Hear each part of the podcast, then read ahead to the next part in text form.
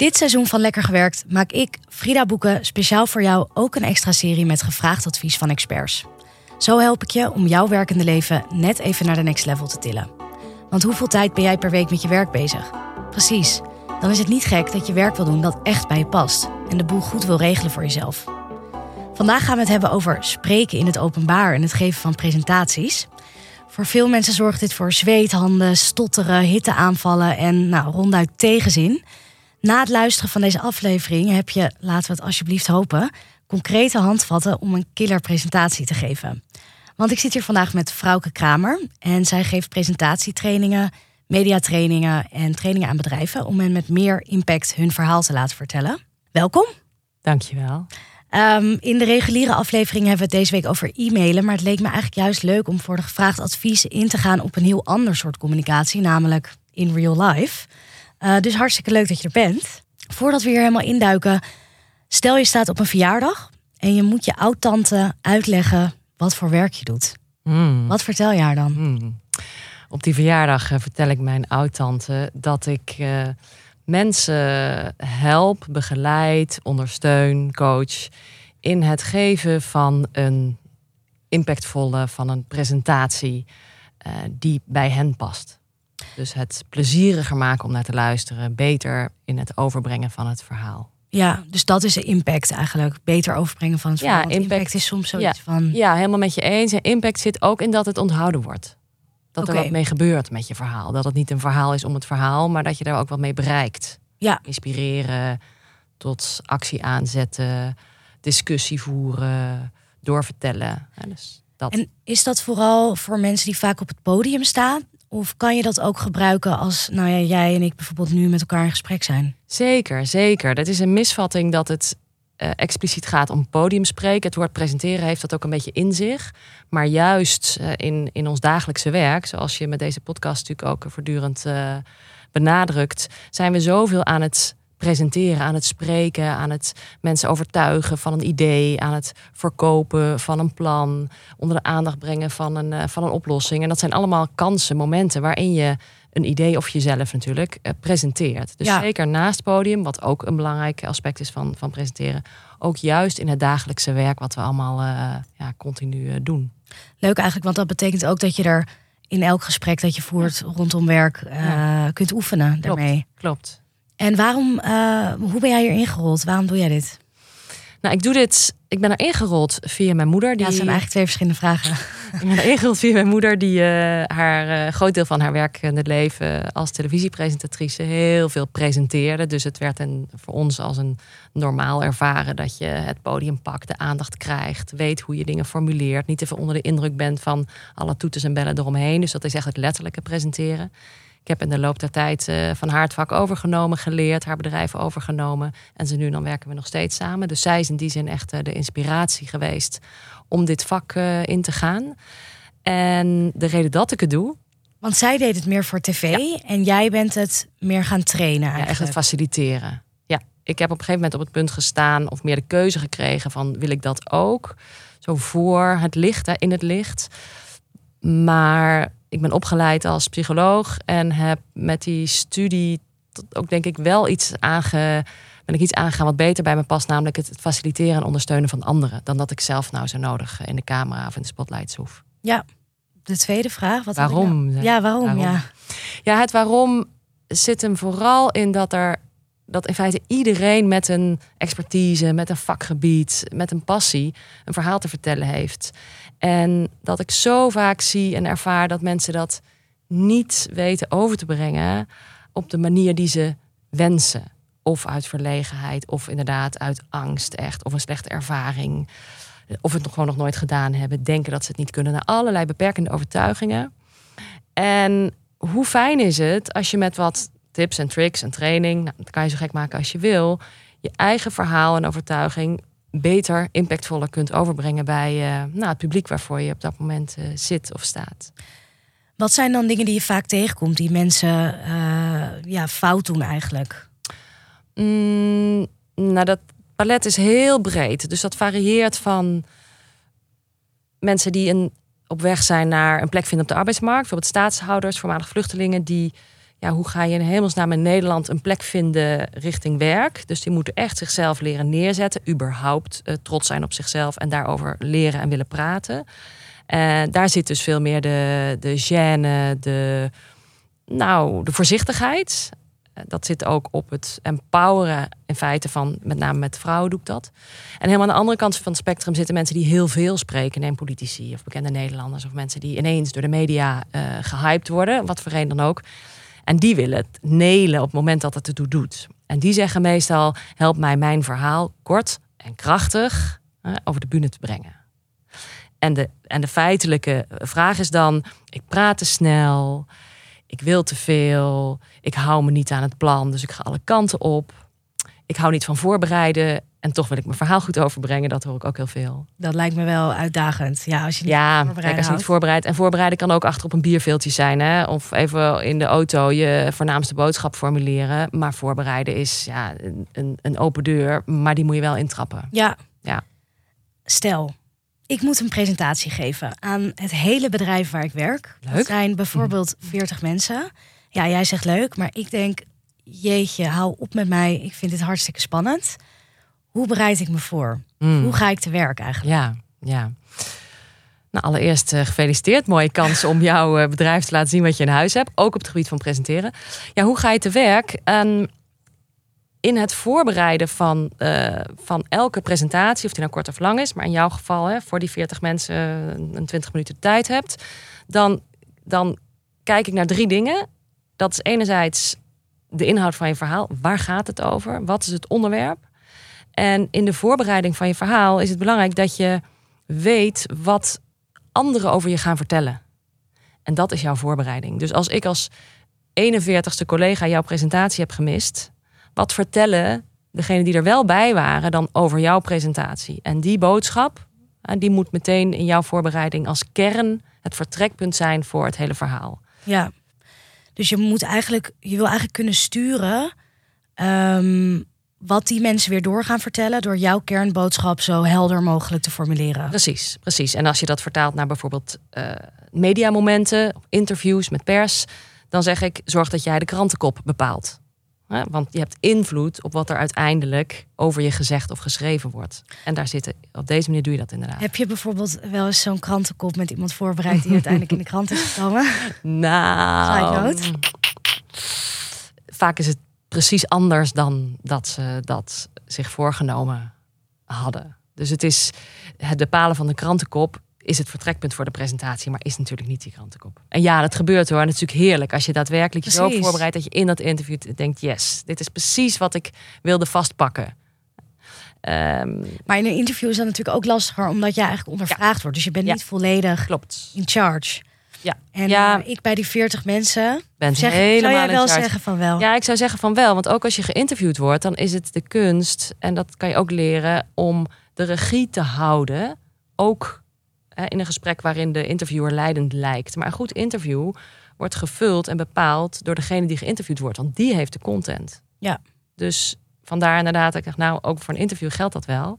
Alleen is het wat minder obvious inderdaad, omdat je het idee hebt dat je het goede antwoord of überhaupt moet antwoorden op de vraag. Terwijl dat uiteindelijk gaat het helemaal niet om het Ja. antwoord op de vraag. Dus ik denk hier dat ik de touwtjes in handen heb, maar jij hebt die eigenlijk gewoon.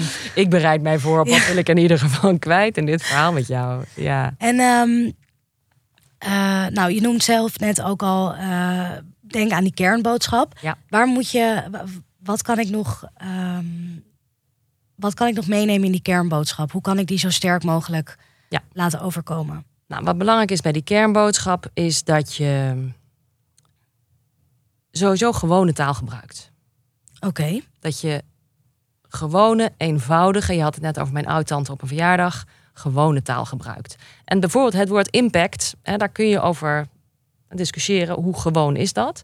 Maar dat je in ieder geval je bewust bent van het publiek waarvoor jij staat, in dit geval jouw collega's. Dus welke taal kan ik daarin gebruiken als ik mijn boodschap formuleer? Is dat jargon? Nou, wellicht kan dat, want het zijn collega's die spreken dezelfde taal. ja, dus een aantal afkortingen of Bijvoorbeeld. dingen, hoef je bijvoorbeeld. dan misschien niet te vermijden per se. Precies. Dat ligt helemaal aan degene voor wie jij je verhaal doet. Want ik had het net over drie onderdelen, waarvan inhoud de eerste.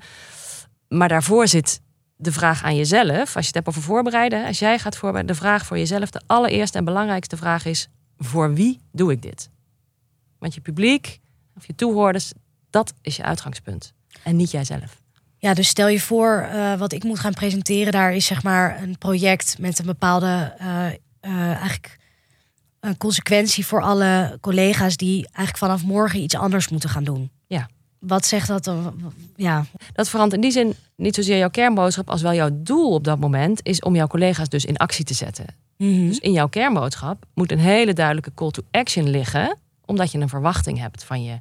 Je komt ze niet alleen niet vertellen, nee, je wil ook daadwerkelijk dat ze na jouw presentatie op een bepaalde manier gaan werken of iets wijzigen of ergens mm -hmm. aan de slag gaan. Dus dan is jouw kernboodschap, daar moet in besloten liggen, heel expliciet. Dit is. Morgen gaan we X of Y doen. Ja. ja. En je zegt net, uh, taal is heel erg belangrijk. Ja. Ik hoor zelf ook wel eens, um, nou, jonge collega's, of hoorde ik dan bijvoorbeeld in één keer in een presentatie het woord reeds gebruiken. Of ja, zo. grappig hè? En bij mij is het dan instantly, eigenlijk onmiddellijk, dat ik er dan uitsnap van. Huh, hoezo reeds? Wie, wie, Ja. wie gebruikt dat woord nou Ja. weer ooit? Ja, zij in ieder geval niet in een spreektaal. Nee. Denk je dan? Nee. Heb je nog andere voorbeelden van eh, woorden? Of, eh, Ja, we gaan vaak wat formeel doen als het spannend is. En dan gaan we grote, zakelijke, wat, wat formele taal gebruiken. Wat we in schrijven trouwens ook eh, de neiging hebben. Van eh, mede naar aanleiding van ons prettige onderhoud... eh, hoop ik dat we hier nou, Ja. tot elkaar... Hè? dat zijn dan gewoon twee dertigers die koffie hebben gedronken. Precies. Hè? Het, was een leuke, het was een leuke gesprek. Wat is het vervolg? Ja, Dus het zit heel erg in, het, in dat soort wollige taal die dan ont- ontstaat. Ehm, maar ook dingen als. Als het eventueel niet te veel moeite is, zou ik het op prijs stellen als jullie vandaag deze petitie willen ondertekenen. Ja, Met een verontschuldigende toon. Hè? Omdat we het moeilijk vinden om ruimte in te nemen ook. Zowel in de boodschap als in de vorm. Maar dat is een ander gedeelte. en dat is wel ook een hele interessante, want dan is dus eigenlijk de toehoorder ook helemaal niet overtuigd van dat eh, degene die het presenteert het een heel goed idee vindt. Nou, precies. Het is leuk dat je dat zegt. Want vaak zijn we, voelen we ons in dienst staan van de toehoorder. Terwijl die toehoorders, jouw collega's, die mogen heel blij zijn dat jij die plek inneemt met het goede verhaal of het goede idee wat je hebt. Maar het is zo Nederlands ook om ons bescheiden op te stellen, te bedanken voor het feit dat we hier mogen zijn, dat iedereen de tijd heeft genomen om naar mij te komen luisteren. Nee joh, ook, maar vooral, het is Pak fijn dat dat ik hier ben, want ik heb een leuk, inspirerend of misschien moeilijk verhaal te delen. Ja, En dus die gelijkwaardigheid mag veel meer opgezocht worden. ja en dat vind ik ook een interessante. ehm, jouw collega's willen jou ook zien, eh, willen jou meestal Ja. succesvol Ja. zien Ja. zijn. Dus ehm, in principe staan die ook aan jouw kant. Terwijl veel mensen die er onzeker over zijn, misschien denken van, oh god, Ik word hier gefileerd. Precies. Ja. ja. Ja. Goed, nou, we hebben een kernboodschap. We hebben een kernboodschap. En, en wat We er nog bij hoort, wat ik wil aanvullen. We hebben een kernboodschap in gewone taal. Maar we hebben ook een kernboodschap die kort is. Oké, mand eigenlijk. Mand, precies. Kill your darlings. We hebben zoveel te vertellen. En je hebt zoveel voorbeelden en uitstapjes die je kunt maken. Maar A, we onthouden het niet. Hè? Dat is, en, en, en B, maakt het die kernboodschap ook niet sterker. Als ik bij mijn buurvrouw op bezoek kom, wat ik ze nu dan doe, die eenzaam thuis eh, nou, zit te wachten met een kopje thee elke maand. En zij is op vakantie geweest en zij laat mij 2000 foto's zien van haar vakantie. En ik zie onder in het scherm van haar laptop dat dat 2000 foto's zijn.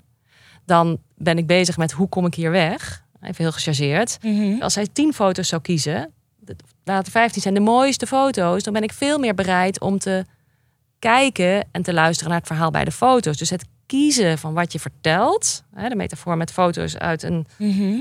2011, allemaal even fantastisch hoor. En ook in jouw presentatie, alles is even relevant en fantastisch belangrijk. Maar in het moment dat je echt iets wil bewerkstelligen bij de ander, moet je het kort houden.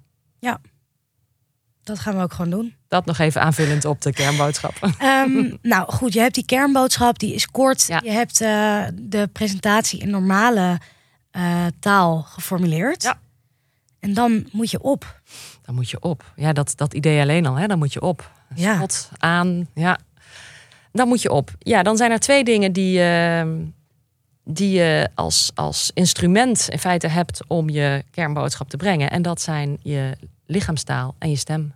En die twee maken dat het persoonlijk wordt, dat het ehm, energie krijgt, dat het uiteindelijk die impact maakt die het uitsluitend op papier veel minder maakt, althans. Mhm. Daarom hebben we het over presenteren en niet over schrijven.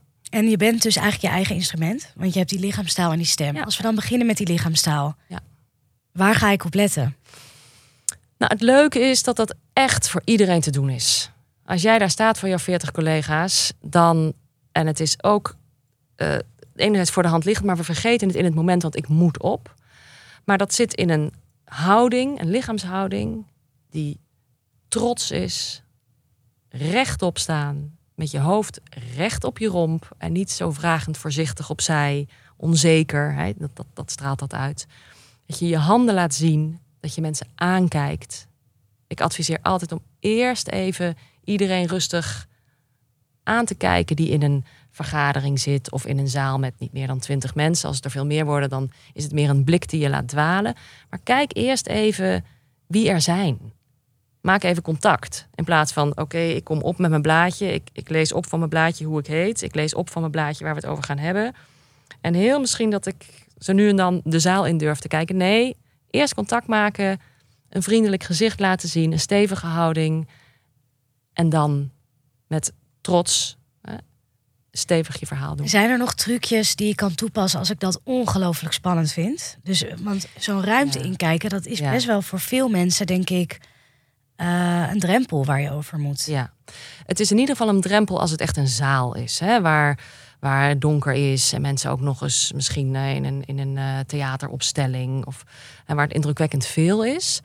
Nou, wat helpt is om van tevoren te weten waar je komt. Hè, dus om even een kijkje om de hoek te nemen van wat is dit voor een ruimte of voor een zaal of voor een lokaal. Oh jee, er is een microfoon. Ik noem maar even een dwarsstaat. Ja, dat je een beetje voorbereid bent. Ja, dat je weet waar je terecht komt, dat helpt. Dan, dan heb je die visualisatie ook, eh, die klopt dan ook met wat je gaat doen. En wat ook belangrijk is, is dat je ademhaalt voordat je begint. En dan bedoel ik niet alleen ademhalen, een grote teuglucht van dat, ja. en daar gaan we. Nee, dat je in en uitademt door je buik en vanuit daar je verhaal begint. Want dan ben je gegrond in plaats van vanuit de spanning wat we allemaal kennen. ja.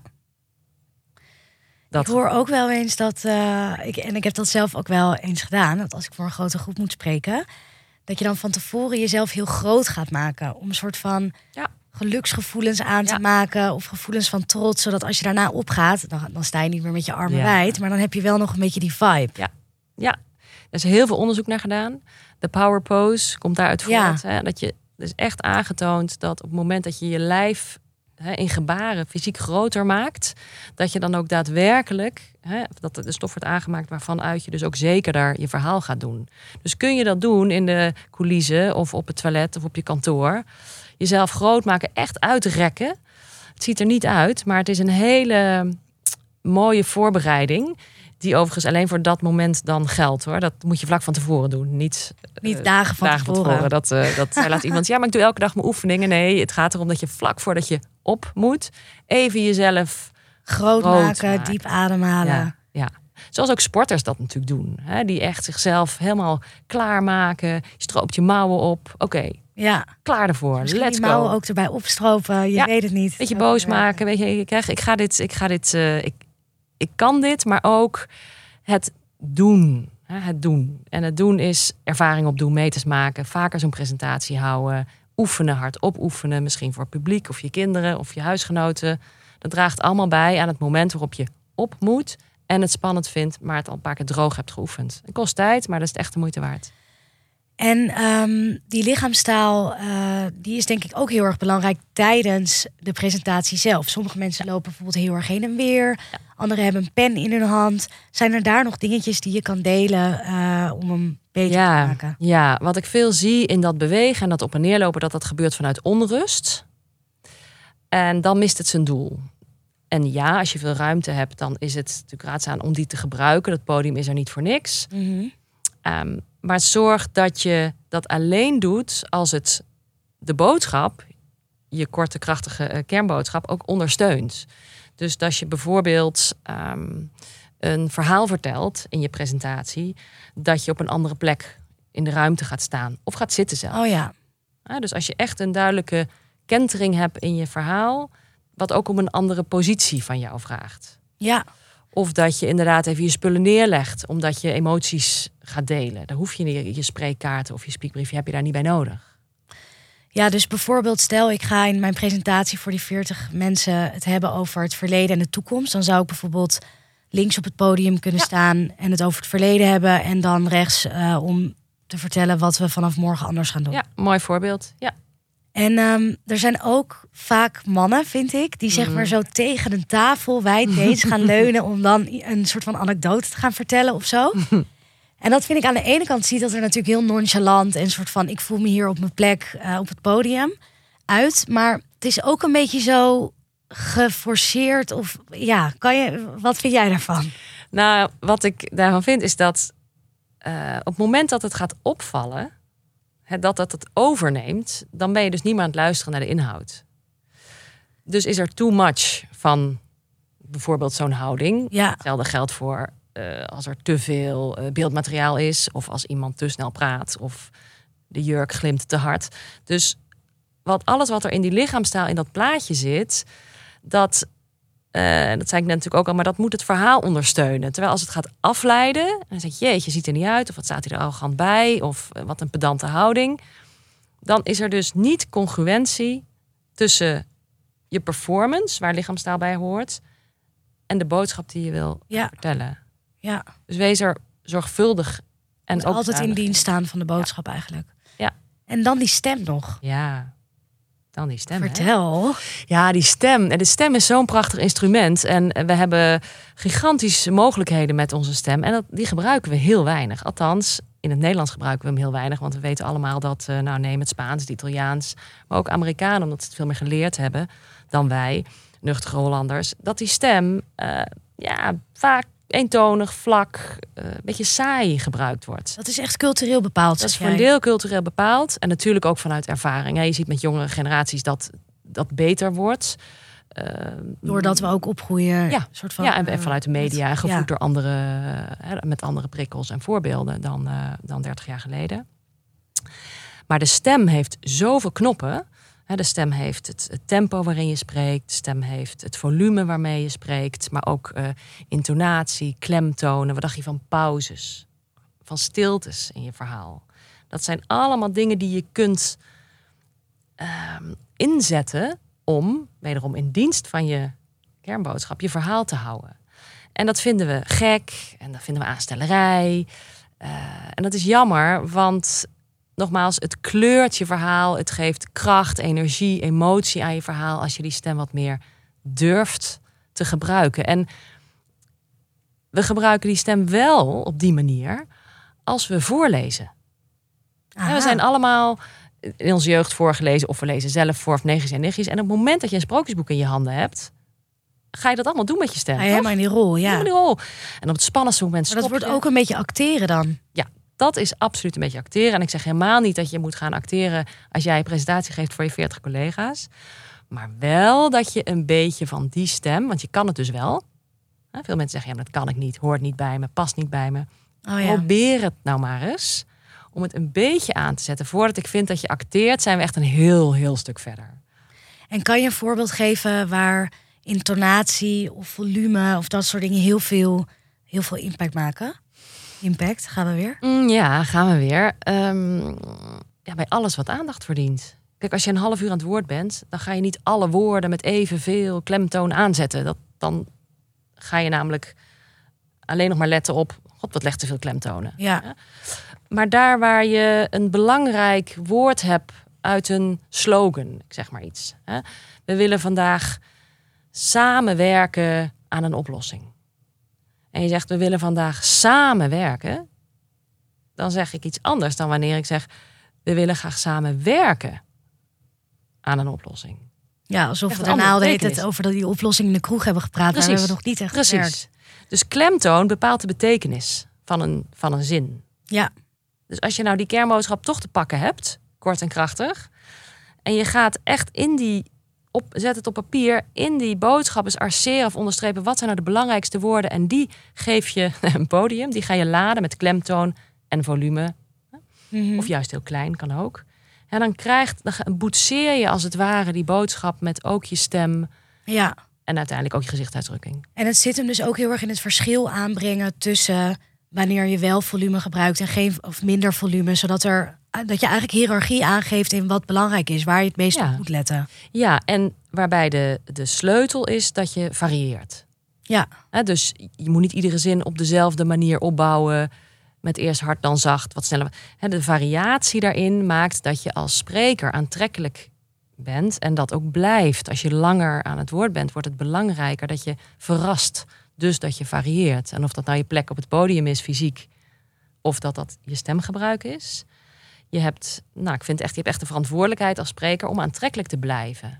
En dat doe je dus door die variatie in je stem met al die knoppen. Om ja. daar echt scherp op te zijn. Is het nou ook hoe langer de presentatie, hoe belangrijker dit wordt? Want ik kan me voorstellen als iemand vijf minuten Ja. iets vertelt, dat dat ook wat Ja. minder belangrijk is dan als je een half uur naar eh, iemand moet luisteren. Ja, klopt. Het wordt belangrijker. En natuurlijk hè, zijn sommige stemmen in de basis prettiger om naar te luisteren.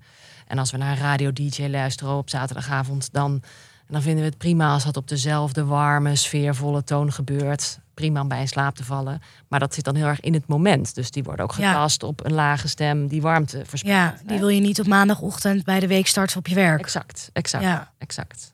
Dus dat is absoluut. eh, maar de lengte is, is mede bepalend voor hoe je dat gebruikt. Kijk, in één minuut eh, gaan we dat allemaal niet zitten analyseren als publiek. Maar als je ergens langer staat of het woord krijgt, dan wordt het belangrijker. Volgens mij hebben we echt een aantal hele concrete handvatten om Ja. morgen die presentatie te nelen aan die 40 collega's. Ik heb ze niet, 40 collega's. Ik Mhm. heb ook geen presentatie, maar ik hoop Wie dat de luisteraar er veel aan heeft. Mm. Nou, als ik het dan moet samenvatten, Mhm. de centrale boodschap, super belangrijk. Wat gaat jouw publiek doorvertellen?